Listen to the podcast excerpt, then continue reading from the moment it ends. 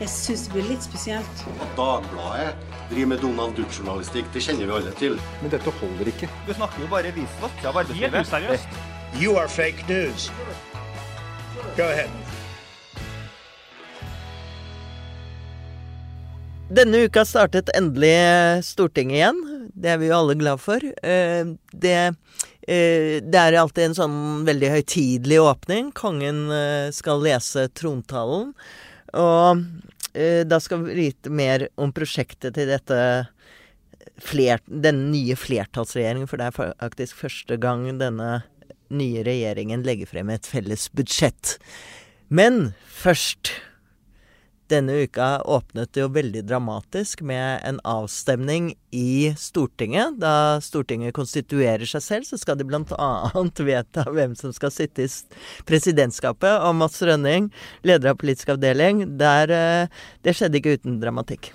Nei, det gjorde ikke det. Eh, Der ble de øvrige medlemmene av presidentskapet valgt enstemmig, helt til eh, femte visepresident Abid Raja skulle velges. Da reiste Bård Hoksrud seg eh, opp og krevde på vegne av Frp, eller eh, sin stortingsgruppe, da, en skriftlig avstemning.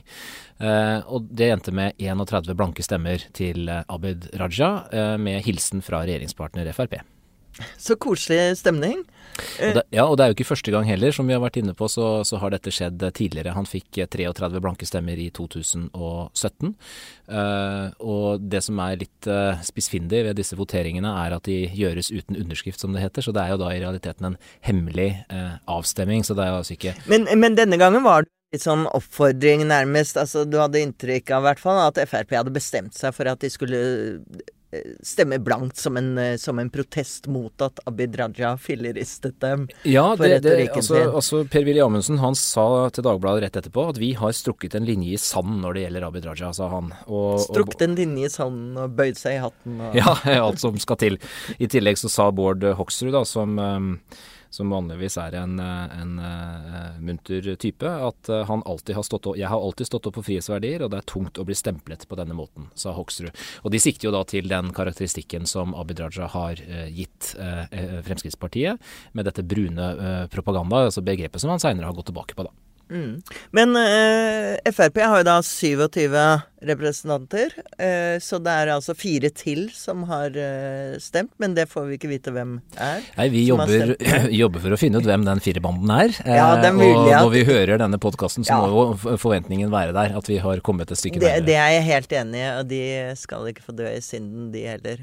Men eh, Ola Magnussen Rydde som sitter her, er eh, Du er jo Du er en litt sånn Stortingets åpningsfetisjist, eller hva skal jeg kalle det. Du tar på deg eh, dress og synes at dette er en høytidelig anledning. Ja, eller våre, våre faste lyttere vil jo kanskje huske tilbake på denne fantastiske bunaden jeg fikk meg tidligere i år, så kanskje jeg skal kle meg i bunad på kongens Wow. eh, visitt i Stortinget. åpne meg. Nei, jeg tror ikke det. Det blir nok dressen.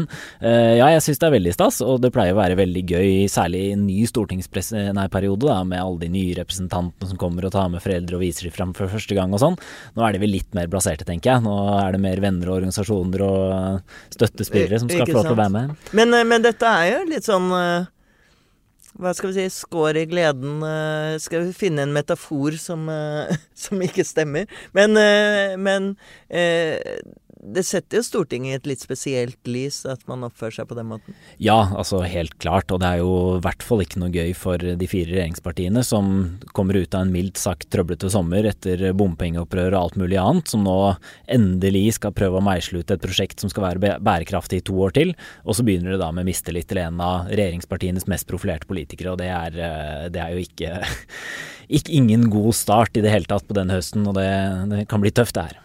Men vi skal komme litt inn på hvordan denne høsten kan u fortsette å utarte seg. Eh, men eh, eh, disse blanke stemmene, det er jo ikke det er ikke sånn regelmessig at det foregår. Det er litt sånn proteststemmer. Eh, vi husker at det var en del proteststemmer mot Carl I. Hagen da han, eh, han eh, skulle inn i presidentskapet. Da fikk han eh, 29 blanke stemmer i 2007. Og så fikk altså Abid Raja 31 blanke denne gangen, og 33 forrige gang, så han er mer populær nå, da. Ja, og, og det, det, spesielle nå, er, så, så vidt jeg har forstått på Stortinget, så er det sånn at det alltid er votering uten underskrift når presidentskapet skal velges første gang etter et stortingsvalg. og Det var det som skjedde da for to år siden, forrige gang han fikk disse blanke stemmene. Det spesielle nå er jo at uh, det, dette kravet om uh, skriftlig votering ble fremma uh, uh, i strid med innstillinga fra presidentskapet, som i utgangspunktet ønsket en åpen behandling, altså hvor man rett og slett tok, det i, tok, det muntlig, kandidat etter kandidat. Så, så det er, det, ja, og det har jo Frp vært åpne om, at dette er en protestmarkering, en markering fra ja, deres side. Fordi i utgangspunktet så er det liksom kutyme for at man liksom banker dette gjennom. Og jeg husker Trond Helleland sa jo sist gang, da det var så mange proteststemmer, at, eh, at han syntes at dette var respektløst overfor Stortingets arbeid, rett og slett, og overfor presidentskapet eh, og den jobben de skulle gjøre. Ja da, og det, og, og det, er klart at dette er en markering som, eh, som er tydelig, og som blir eh, mottatt av Venstre også. Og det blir spennende å se hva slags eh, svar Venstre gir. Og det som også er spesielt, er jo at som jeg sa, så er det veldig uvanlig at det er så mange blanke stemmer. Det, er, det, er liksom, det hender av og til at man får en og annen som blank stemme, men, men som regel så går det gjennom. Men så tosifret uh, tall, det er sjelden. Og den andre som har fått nesten like mange blanke stemmer som uh, Abid, er da Akhtar Chaudhry. Fra SV i sin ja. tid, ja. Mm. Men uh, kan vi lese noe inn i det? Ja, det er vanskelig å, å Eller det, ja, det kan man helt sikkert gjøre. Eh, jeg tror jeg skal passe meg for å, for å komme med noen antydninger der. Det skjedde jo også i en bestemt uh, politisk situasjon med, med, eh, med, hans rolle i SV. Nå har SV også hatt andre i presidentskapet uten at man har hatt de blanke stemmene. Men det er klart, det, det gir jo litt rom for ettertanke, da. Det er i hvert fall de to to fremtredende minoritetsrepresentanter som, som uh, har fått mest blanke stemmer. Det kan vi i hvert fall registrere, og så kan man diskutere hva som er sammenhengen. Men nå, som sagt, uh, skal de starte etter denne uh, høsten, så kan de nesten starte med blanke arket, men det klarte de ikke å gjøre likevel. De startet med å lage masse kruseduller på Ikke blanke ark, blanke stemmer. blanke stemmer, ja. men Eh, på, på, mandag, om en knapp uke, så skal, eh, skal, de legge frem sitt første statsbudsjett. Og vi får allerede denne uken eh, et visst innblikk i hvor de legger seg. fordi i trontalen så skal jo kong Harald da lese opp trontalen hvor det skal stå hva som er deres store prosjekt fremover. Vet vi noe om dette prosjektet?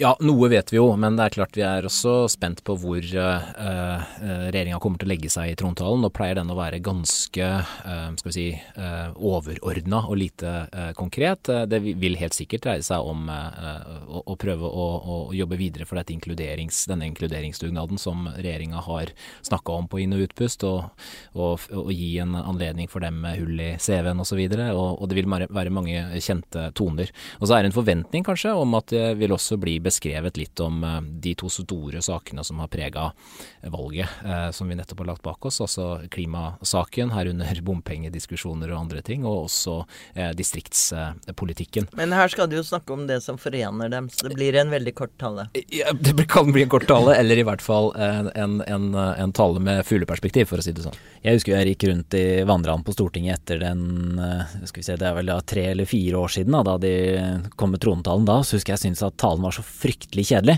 Eh, jeg skrev en kommentar og kalte den 'mer grått enn blått'. For jeg syns her var det et stort fravær av høyrepolitikk i det hele tatt. Det var eh, grå, grå sosialdemokratisk masse omtrent som kom ut derfra. Eh, og da gikk jeg rundt i vandrehallen etterpå og spurte folk om herregud, var ikke dette, her, var ikke dette ganske kjedelig? Og da tror jeg alle svarte sånn, det er jo alltid det. Det er jo aldri noe gøy med de trontalene. Så nå har jeg null forventninger. Det, det har jo til og med hendt at kongen har glemt å lese en side i trontalen. Så, uten, at noen oppdaget det. egentlig tenkte det. Ja. Men, Stakkars de i det departementet som fikk hele sida si hoppa over alle kulepunktene. Og så, ja. Jo, men det, men det, er noe vi kan liksom notere, som, eh, som, du sier, Mats, at det er et slags sånn prosjekt inni der, og noen ting som man kan eh, konstatere at det er dette de velger å fremheve. Så det er jo et slags signal, men det er altså på mandag Eh, det første budsjettet kommer, og der får vi vite noen flere detaljer. Det har vært noen, en del lekkasjer allerede. Men øh, Mats, hva kan vi si om liksom de store snubletrådene for, for regjeringen fremover? Jeg tror overordna så vil det store Bortsett fra at de er fiender. Nettopp, og... men jeg tror kanskje det er den viktigste og største uh, snubletråden altså, ja. av de alle. Altså det, Den dynamikken som nå utspiller seg eh, mellom Fremskrittspartiet og Venstre, vil vi jo se gjenta, eh, bli gjentatt, tror jeg, i mange sammenhenger framover. både Frp og Venstre har sagt at de kommer til å bruke tida fram til neste stortingvalg på å finpusse egen partiprofil, og ikke gå av veien for å profilere seg med sine primærstandpunkter. Og I det siste så har vi hørt det samme også fra stemmer i Høyre, som har snakka med Dagbladet og sagt at uh, de mener at Høyres Eh, skal vi si, profil da, ble avmatta og borte i valget. Hva var det Heidi Nordby Lunde, som nå skal sitte i, som sitter både i valgkomiteen og som er stortingsrepresentant fra, fra Oslo, sa at ingen stemmer på et lim. Og, og det, det, uttrykket har jo fått festa seg, ikke sant. At, at Høyres primærfunksjon later til å være limet som holder denne koalisjonen sammen. Men det er, noen, er noen saker som vi vet kommer, som kan sette dette her på spissen. Um, Eh, budsjettet er jo selvfølgelig en, en, eh, sak. Der må vi jo regne med at de har drøfta seg fram til en enighet, og at det de kommer med går igjennom. Eh, men det er mange, enkelte, det er mange snublesteiner i et budsjett også. Dagen etter kommer forsvarssjefens fagmilitære råd. Da vet vi jo at det blir mye diskusjon både om innretning på forsvarsbudsjettet, størrelsen på det, sentraliseringsspørsmål, distriktspolitikk. Vi har denne betente historien om Syria-barna som som preger dagsordenen også før um, statsbudsjettet. Um, det er lagt ut en, eh, et høringsforslag om, om alderspensjonen til de uføre, som Kristelig Folkeparti er sterkt uenig i. Vi har spørsmål om politistruktur og, og domstoler. Ikke minst er det en forventning om at uh, man går tilbake på noen av disse anbefalingene om å legge ned tingrettene rundt omkring. Um, det er kompensasjonsordningene til pelsdyrbøndene er også et eh, spørsmål som Fremskrittspartiet gjerne vil ta opp. Og oppunder jul så vet vi at eh, rovviltnemndenes anbefalinger om ulv, ikke minst i ditt hjemdistrikt eh, Ola, kommer, kommer opp med full, full, kraft. Og så vet vi jo at det er veldig mye uroligheter ute i verden. Brexit og Trump, mulig riksrett hos vår viktigste allierte. Et stadig mer selvsikkert Kina. Så det er et urolig bakteppe. Regjeringa prøver å å, få Norge inn i eh, Sikkerhetsrådet. Så, så, det vil også sikkert prege diskusjonen eh, framover. Um, og så er jo spørsmålet om samarbeidskonstellasjoner. Nå ser vi det på rød-grønn side allerede i dag, da, eller altså denne uka her, hvor, hvor um, det ble klart at Viken det skal omstøtes hvis eh, de rød-grønne vinner eh, fram. E18 vestover skal også eh, settes en stopper for. Så, så, det er mange Det går i grønn retning, og det har vi snakket mye om. Men Frp liker jo dårlig at Høyre driver og flørter med MDG. Ja, Carl I. Hagen har vært ute i, i Dagbladet og, og, sagt det høyt. Og, og, her er det også et spørsmål om hvilket Fremskrittsparti som skal møte velgerne om to år. Eh, det eh, skal vi si, det, det selverklærte nasjonalkonservative Frp, som Tybring-Gjedde er en talsperson for, eller det mer skal vi si, progressive eh, Frp, som, som er mer opptatt av klimaspørsmål enn en han er. Men det er jo litt Vi som har fulgt med de senere årene, syns jo at regjeringspartiene, i hvert fall Frp, har vært flinke til å flagge sine primærstandpunkter. Men nå skal det altså bli enda klarere og enda tydeligere for alle fire. Men det er helt åpenbart at det fins ting på den lista du, du hadde her, som, som, jo ikke var utfyllende, men som var ganske lang. Og hvor de er nødt til å stemme med regjeringen, ikke sant. Altså, du har f.eks. Eh, striden om IS-barna. Jeg kan se for meg der at Venstre og KrF kommer til å gå opp en smell. Og da nytter det jo ikke å si liksom hele tiden at de skal flagge sine egne primærstandpunkter. Vi vet at de er for å ta IS-barna hjem, men det kommer ikke til å skje. Ja, nei, altså, altså det å prøve å si at løsningen på mange av de problemene regjeringen har, handler om kommunikasjon og tydeliggjøre det at vi har fått rene seier osv. Eh, den tror jeg både begynner å bli veldig slitt, og så er den selvfølgelig helt feil. Det er jo det, er jo det at det politiske prosjektet eh, ikke bærer. At det er så store sprik at det går ikke an å, an å få med seg alle. og Det er jo helt klart derfor det slår sprekker. Det er, de er jo i alle kanaler konstant og snakker om primærstandpunktene sine, men det blir jo likevel bråk fordi de, må jo, de blir jo ikke enige når de skal stemme. Nei, men Dynamikken der er jo lik også på den andre siden. Vi husker i forrige uke så hadde Arbeiderpartiet et landsstyremøte hvor, hvor, dette kom for uh, en dag. Uh, og i Miljøpartiet De Grønne nå så diskuteres det høyt hvorvidt man skal gå bort fra dette oljeultimatumet. Uh, så, så det at norsk politikk står foran noen mulige eh, sceneskift eh, de neste par åra. Det skal vi absolutt ikke se bort fra. Det er det liten tvil om. Altså, det er medlemmer av, av den sittende regjering som frekt nok sier at vi er i hvert fall enige og har kommet oss i regjering, mens det er jo på venstresiden det er totalt kaos og vill uenighet. Og de har jo litt, selv om det er en veldig frekk påstand, så har de jo litt rett i at uh, opposisjonen må jo samle seg de neste to årene. Ja, ja, hvis de skal utgjøre en trussel. Helt klart ikke vanskelig å være enig i uh, at det er store sprik der også. Uh, og særlig er det jo nesten Arbeiderpartiet som ser ut til å bli stående i en veldig vanskelig skvis mellom Eh, mellom å ha Rødt og SV og Senterpartiet på ene siden i europaspørsmål f.eks., så har de bare med seg MDG på andre siden. De stilles i en skvis i klimaspørsmål. De vil gjøre det i akkurat de samme asyl- og innvandringssakene som det eh, regjeringen og Høyre gjør i dag. Så det er eh, ingen tvil om at det kommer til å bli veldig veldig krevende, og også mer krevende for Arbeiderpartiet nettopp fordi de er et mye mindre parti enn de har vært tidligere. Og hvis, i hvert fall hvis styrkeforholdene står seg nå, så er det blir det flere partier med mye selvtillit og et mindre Arbeiderparti til å samle de sammen. og Det kan bli vanskelig. Erna Solberg var vel ute i i Var ikke det også i Dagbladet? Nå går jeg surr i alle Alle driver jo og har vært eh, intervjuet overalt med kraftige meldinger.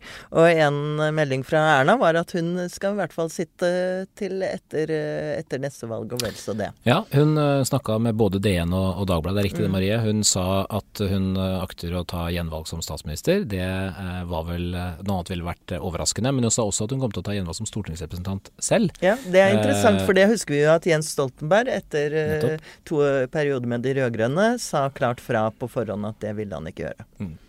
Og så har, har, du da situasjonen med, med med eh, Erna Solberg eh, der, som, som, som, møtes også en del forventninger internt om å, om å, gjøre en del endringer og kanskje også komme med noe fornyelse. Men hvis hun eh, bare, bare ved denne stortingsperioden, så vil hun være den kvinnelige stortingsrepresentanten som har sittet lengst gjennom historien. Hun vil gå forbi Marit Nybakk, og, og hvis hun da tar fatt på nye fire år, så vil hun være i særklasse mest erfaren. Det Erna Solberg er egentlig skjuler enn Karsten Warholm her. Er en sånn konkurransemenneske Rekord-Erna. Ja. Rekord-Erna Erna, må vi begynne å kalle henne. Men uh, dette limet som jo Høyre, og særlig Erna, har tatt på seg en rolle å være lim i regjering når de sier at de skal bli mer tydelige, så har jeg liksom slitt litt med hvordan de skal klare å gjøre det i dette selskapet her. Ja, jeg er helt enig med deg, Marie. Og jeg tror eh, Høyre sliter egentlig med mange av de samme problemene som Arbeiderpartiet sliter med, bare at de er litt kamuflert nettopp av at de sitter i regjering og at internt i partiet er full støtte til regjeringsprosjektet. Eh, men f.eks. de har samme spliden i partiet sitt mellom eh, hensynene å ta til by og land. Altså Hvis man ser til Oslo Høyre, så har de et helt annet prosjekt enn hva Distriktshøyre ville ha, f.eks. Som kanskje har mer lyst til å nærme seg Senterpartiet, mens Oslo Høyre kanskje har mer lyst til å nærme seg Miljøpartiet De Grønne. Uh, og det er en egen liten skatte... Nikkershøyre og Bunads, Bunadshøyre, ja, bunadshøyre, selvfølgelig. Ja, ikke sant? Ja. Mm. Og så har du en liten skattefraksjon i Høyre, de som på spøk kaller seg selv 10% Høyre. De som egentlig vil ha avreguleringer, massiv privatisering og massive skattelettelser. Eh, som alltid er en intern opposisjon, men de er jo også da smarte nok til å skjønne at det er jo ikke nok folk i Norge som vil ha akkurat en så ren variant av den politikken. Men de vil jo kanskje også nå bruke anledningen til å trekke politikken også i sin retning. Så jeg tror det er veldig veldig mye spennende som skjer i Høyre. Og jeg tror de, de uenighetene der, hvis det først spisser seg litt til, eh, kan bli råere ved, ved den nå kommende fornyelsen av partiet. Det husker vi jo fra forrige runde med Arbeiderpartiet, for der framsto jo Arbeiderpartiet ganske enhetlig i posisjon. Og så med en gang de gikk over i opposisjon, så kom eh, konfliktene fram og opp i dagen. Så, så, så, det er nok mange som er, er, urolige for at det samme kan skje i, i Høyre også. Og et siste poeng der kan jo være at uh, der hvor Jens Stoltenberg Stoltenberg hadde full kontroll over prosjektet i eget parti eh, gjennom et tiår, så har jo også Erna Solberg hatt full kontroll over prosjektet i eget parti i samme periode. Arbeiderpartiet slet jo veldig med å klare å kvitte seg med eh, Stoltenberg-linja, eh, selv da de skulle fornye partiet, fordi det var såpass stor lojalitet knytta til det gamle prosjektet. Og det gjorde jo at de klarte ikke å fornye, de ble oppfatta bare som litt en variant av det samme gamle. Eh, det tror jeg også strategene i Høyre er veldig klar over, at de må, de må unngå den, den fella hvis eh, Solberg-prosjektet skal eh, endres. Men vi kommer tilbake til det om to år når de går av Ola. Så skal vi, skal vi se hvor Høyre går.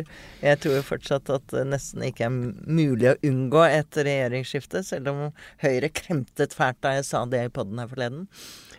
Men til slutt Erna, Erna, Solberg, tro, tror du Mats at uh, hennes linje kommer fortsatt til å være liksom, tross alt, kanskje ikke kalle seg limet, men være den som eh, roer partene og sier 'jeg vil ikke bruke de ordene' og dette som vi vet at hun gjør, eller kommer hun til å bli nødt til å bli litt hardere i klypa? Jeg tror, eh, jeg, jeg tror ikke hun kommer til å legge om stilen, nei. Og det, de siste intervjuene vi har gjort med henne i USA, bærer jo bud om det samme. Hun, hun, sier at dette med intern strid er noe dere først og fremst skriver om i, i pressen. Hun har en annen oppfatning av, av hverdagslivet i regjering. Eh, men så vet vi jo at partiene har det Jeg husker Kristin Halvorsen beskrev eh, Hallgeir Langeland som en flankespiller en gang. Han var altså en frittalende stortingsrepresentant som ikke ble del av regjeringsapparatet eh, til SV, men som spilte en rolle. Eh, en som kunne komme med friske utspill og snakke til den delen av SV som var skeptiske til at partiet var i regjering. Eh, Høyre har kanskje ikke flankespillere Langeland, av Langelands kaliber, men, men, de har personer de, som Erna Solberg kan sende ut eh, i debatter, og, og, som kan få rollen som å, som, som å finpusse profilen.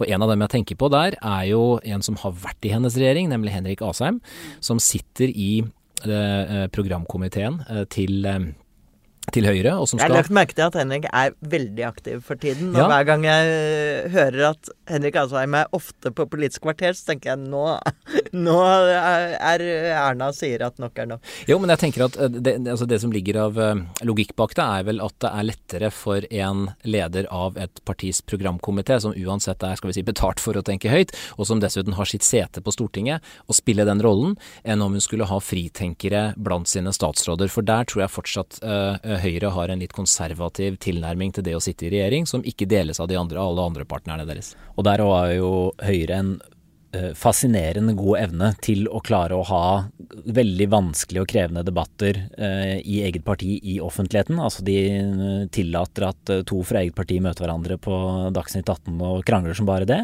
og tar debatten godt videre i åpenhet på landsmøtet, og så uh, konkluderer med Sau f.eks. Jeg syns det, er en stund siden de hadde det, da. Nei, men det var nå sist under bioteknologistriden ja. på det forrige landsmøtet f.eks., så var det jo en rekke sånne type debatter i forkant. Så der syns jeg de er flinkere enn venstresida har vært da, de siste seks åra til å gjøre det. Mm, Venstre har bokstavelig talt da, to representanter som snakker mot hverandre, eller tre.